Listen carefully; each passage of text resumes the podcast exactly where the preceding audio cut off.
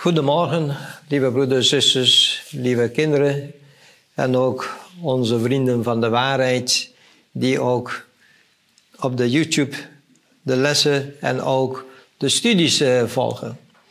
Heel belangrijk is het dat wij mogen weten dat wij een mogelijkheid hebben. Vandaar dat ik u ook groet en wens een gezegende Sabbat toe. Vandaag willen wij het serie onderwerp met als hoofdtitel De waarheid zal u vrijmaken, willen wij dit voorzetten met een subtitel, namelijk Bied uw voet een vaste grond. Het is een algemeen bekend, maar wat gebeurt er?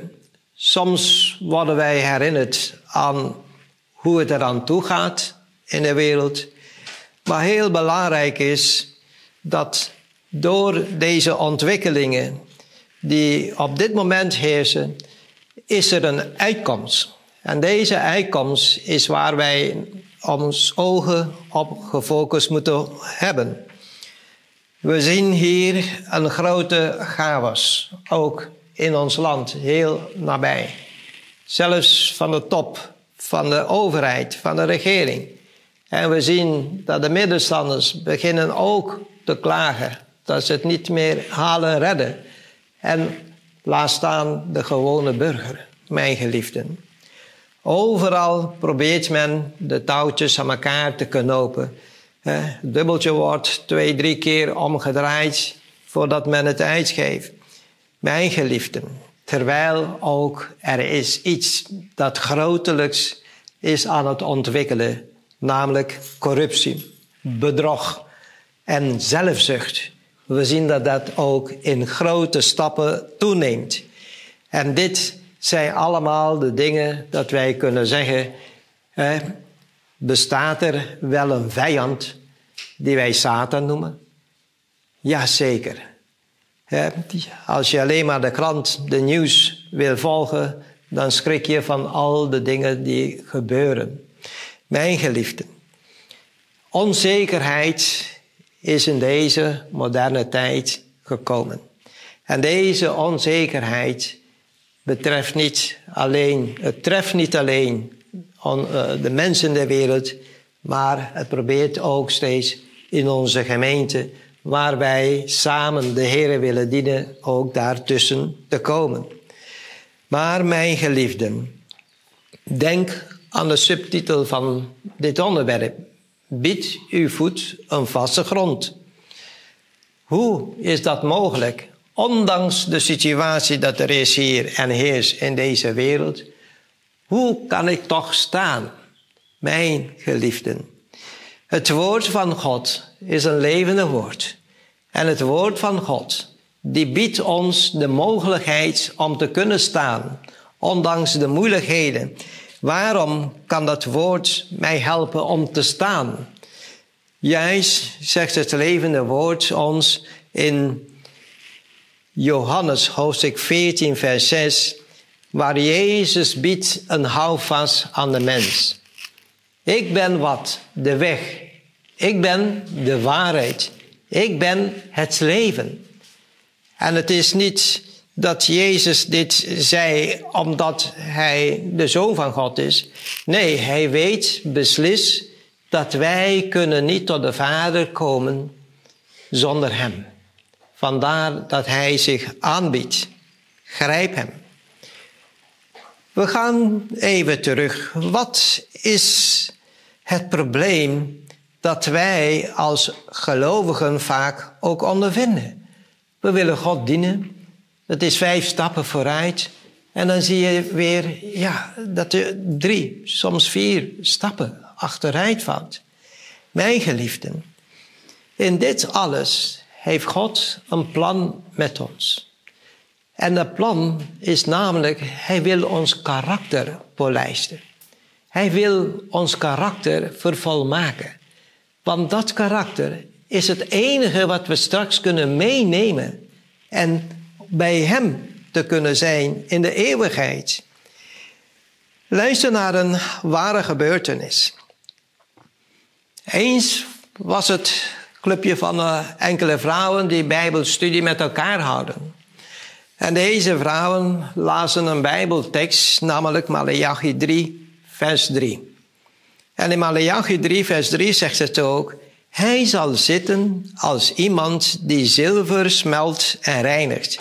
Hij zal de levieten reinigen en hen zuiveren als goud en zilver.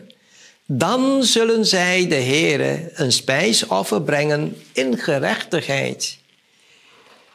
Interessant is dat bij een van deze vrouwen lampje ging branden. Want deze Bijbeltekst maakte zoveel indruk op haar dat zij verlangde: wat is eigenlijk de diepere betekenis hiervan? En zij had iets, want zo werkt God ook aan de mens, dat onze interesse wordt opgewekt door zijn aanwezigheid. En deze mevrouw, die dacht, hé, hey, dit heeft iets te maken met het karakter van God.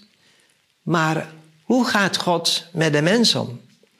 En een van die vrouwen heeft dan besloten om op onderzoek te gaan, om het verfijnen te weten, wat betekent deze Bijbeltekst? En zo heeft zij dan een afspraak gemaakt met een zilversmid. Want we weten dat daar wordt goud en zilver bewerkt. Dus ze maakte daar een afspraak en kwam daar en had niet vooraf gezegd wat was haar ware reden. Wat was haar nieuwsgierigheid. Want zij wilde ook precies weten wat gebeurt er daar. Dat de Heer daar zit en dat hij het zilver uh, reinigt. Wat betekent dat? Mijn geliefden, de vrouw dacht veel over God.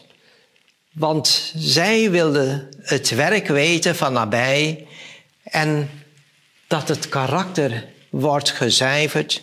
Waar ligt dat in? Hoe ver, hoe gaat dat in zijn werk? Zo vroeg de vrouw dan aan de zilversmid: Hoe lang duurt het voordat je daar blijft zitten en kijken naar dat stuk metaal? En hij gaf te kennen dat ik blijf daar zitten totdat ik het werk heb volbracht. Maar waar ligt de volbrenging van dat werk? De zilversmid zegt, ik zet het stuk zilver dat onbewerkt is, ziet er grof uit, ziet er niet uit, maar ik hou het in een vuur. Maar waarom houdt het dan zo lang in een vuur? Ik hou het in een vuur zo lang dat het nodig is. Hé, hey, oké. En wat gebeurt dan vervolgens? Nou, door het proces van het vuur, daar ondervindt dan dat het zilver steeds wordt gezuiverd, wordt gelouterd. En de vrouw stond wel even stil en die zei tegen de zilversmid: Hoe weet u wanneer het zilver volledig is gelouterd? En hij, de zilversmid, die glimlachte en zei: Ik weet wel. En ik zal jou vertellen. Hij zegt: Het is een heel gemakkelijk iets. En toen heeft hij dat dan gezegd. Ik ben ermee bezig zo lang dat ik mijn eigen gezicht daarin zou kunnen zien. Hij zei, dan is het juiste moment. Mijn geliefden, wij worden ook van boven bekeken. God ziet ons, God houdt van ons en God wil ons begeleiden en helpen om ook gelouterd te worden. Wij maken soms de een en de ander meer moeilijke strijden dan de andere weer. Soms hoor je het ook, de klanken. Waarom moet mij dit gebeuren? Waarom overkomt mij dit? Mijn geliefden. In 1 Korinthe hoofdstuk 10 daarvan vers 13, 1 Korinthe 10 vers 13, hier geeft de Heer een tip van onder de sluier. Hij zegt hier, meer dan menselijke verzoeking is u niet overkomen. En God is getrouw. Hij zal niet toelaten dat u verzocht wordt boven wat u aan kunt. Maar hij zal met de verzoeking ook de uitkomst geven om die te kunnen doorstaan. Mijn geliefden, de strijd is nog niet volstreden, is nog niet volbracht. Wij zijn in de strijd. De tijd is nu dat door juist alle omstandigheden in de wereld, wij moeten leren om God trouw te blijven, God te gehoorzamen. Er is iets heel belangrijks in ons leven wat we steeds moeten bijhouden. Dat is namelijk geloof. Want het geloof kan verzwakt worden. Het geloof moet juist versterkt worden. En dat wordt versterkt door de ervaringen die we steeds mee maken. En dan zien wij dat God zijn beeld in u wil terugzien. Hij wil u redden. Hij wil zorgen dat u het einddoel bereikt. Dat u met hem voor eens en altijd in zijn koninkrijk mag zijn. Mijn geliefden, in Romeinen hoofdstuk 8, in Romeinen hoofdstuk 8, daarvan vers 28. Hier staat ook een interessante informatie. Niet meer dat ik te veel leid. Nee, er is iemand die boven mij lijden zoveel van mij houdt. En dan zegt het hier in Romeinen 8, vers 28. En wij weten dat voor hen die God liefhebben, alle dingen meewerken ten goede. Voor hen, namelijk die overeenkomstig zijn voornemen geroepen zijn. Mijn geliefden, hoe waardevoller je bent, misschien besef je het zelf niet, maar God ziet het hart. God weet, als ik deze persoon, deze broeder, deze zuster, als ik deze man of vrouw of kind een kans geef, dan zal je zien wat hij zal bereiken. Hoe kunnen wij volharden? Er is iemand die niet slaapt. Heel belangrijk. Satan slaapt ook niet.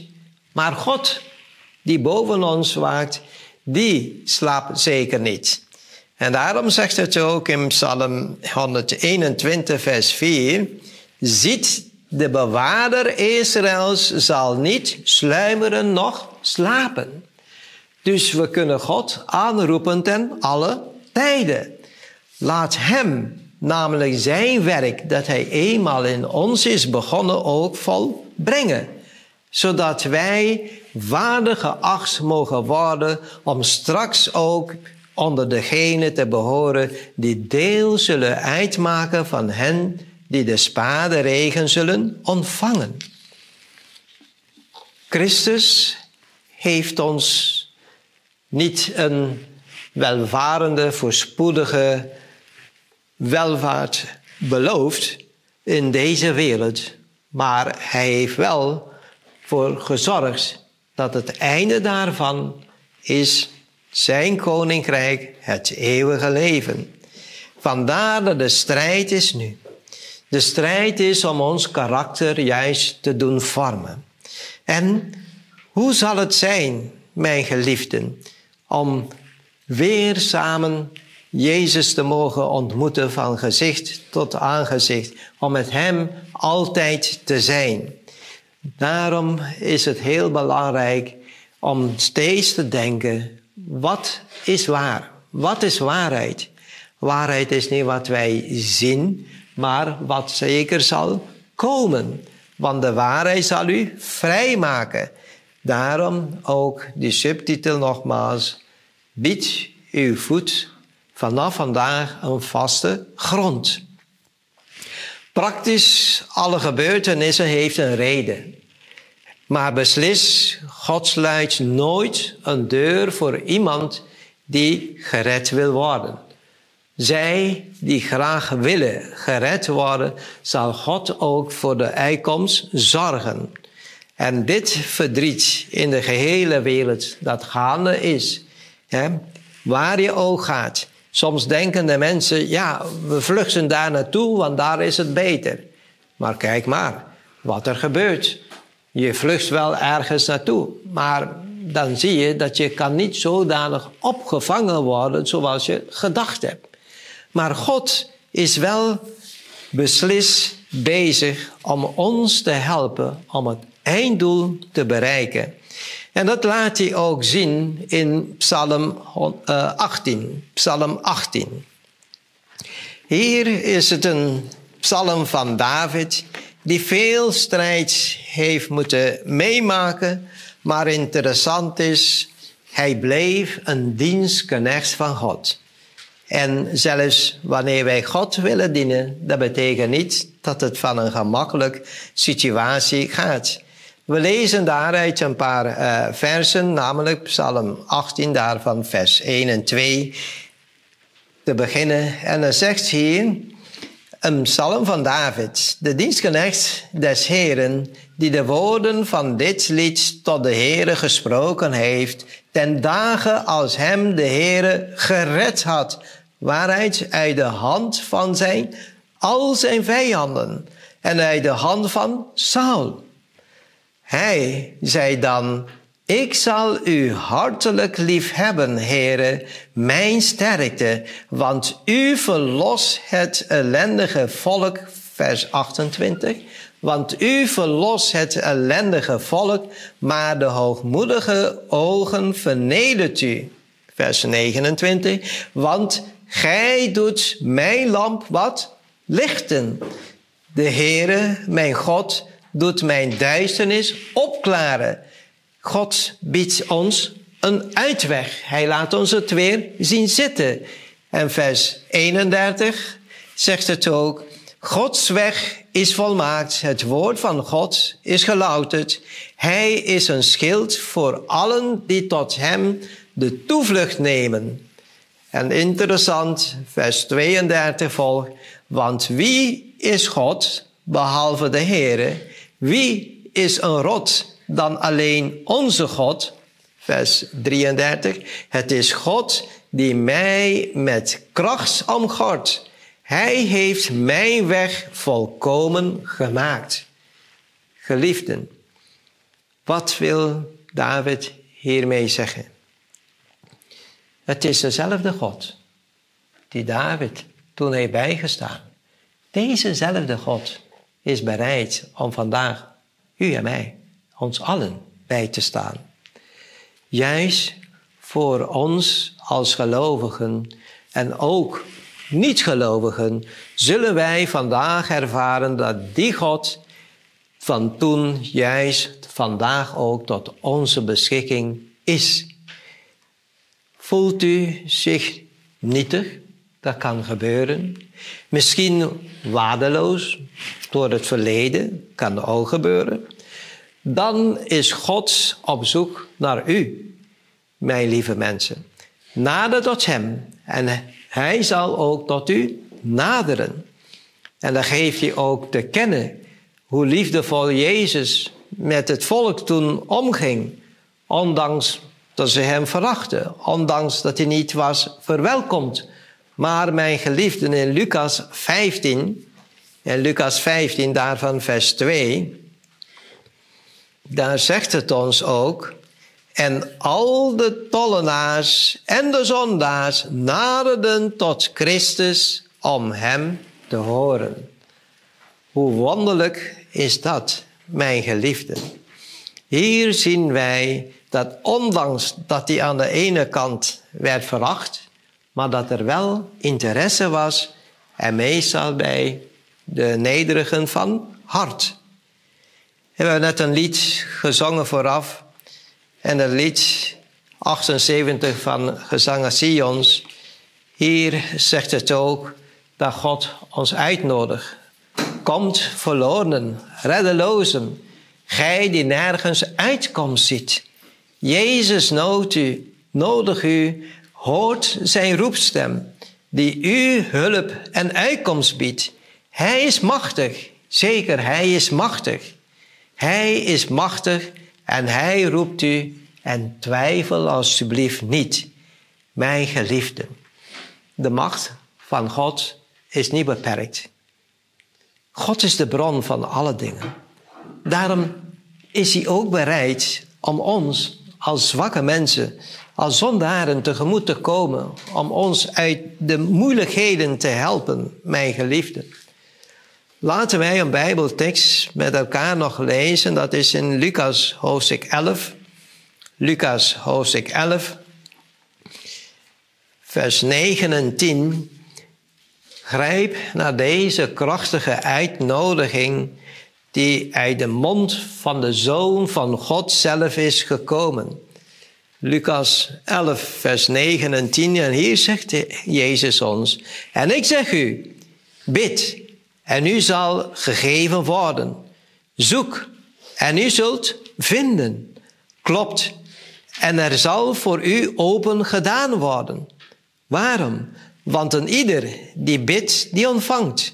En die zoekt, die vindt. En die klopt, voor die zal zeker open gedaan worden. Het bloed van Jezus is ooit gestort voor een ieder mens. En dat bloed is nog steeds geldig. Interessant is dat we net hebben ook behandeld in de lessen hoe belangrijk bloed is. Waarom bloed? In bloed zit leven, mijn mensen. En juist heeft Jezus zijn leven opgeofferd voor ons. Om ons een kans te geven dat uniek is. Deze wereld is wel gevallen. Maar die hoeft niet daar beneden te blijven. Want Christus heeft een weg gebaand dat er hulp is en de hulp is onderweg. Christus pleit op dit moment, op dit cruciale moment, pleit hij voor ons. Het enige wat wij moeten doen, is namelijk tot hem gaan. Spijt hebben over de zonde. En willen wij die zonde kwijt, dan kunnen wij die zonde beleiden aan Jezus. En Hij is bereid om u vrij te pleiten. Hij pleit als geen ander. Hij is pittig bij zijn vader. Hij grijpt alles aan. Vader, vader, mijn bloed is ook voor die gestort, vergeven. Ik ben voor hem gestorven. Uw leven, mijn geliefden, is van heel veel waarde. Laten wij deze waarde op acht stellen.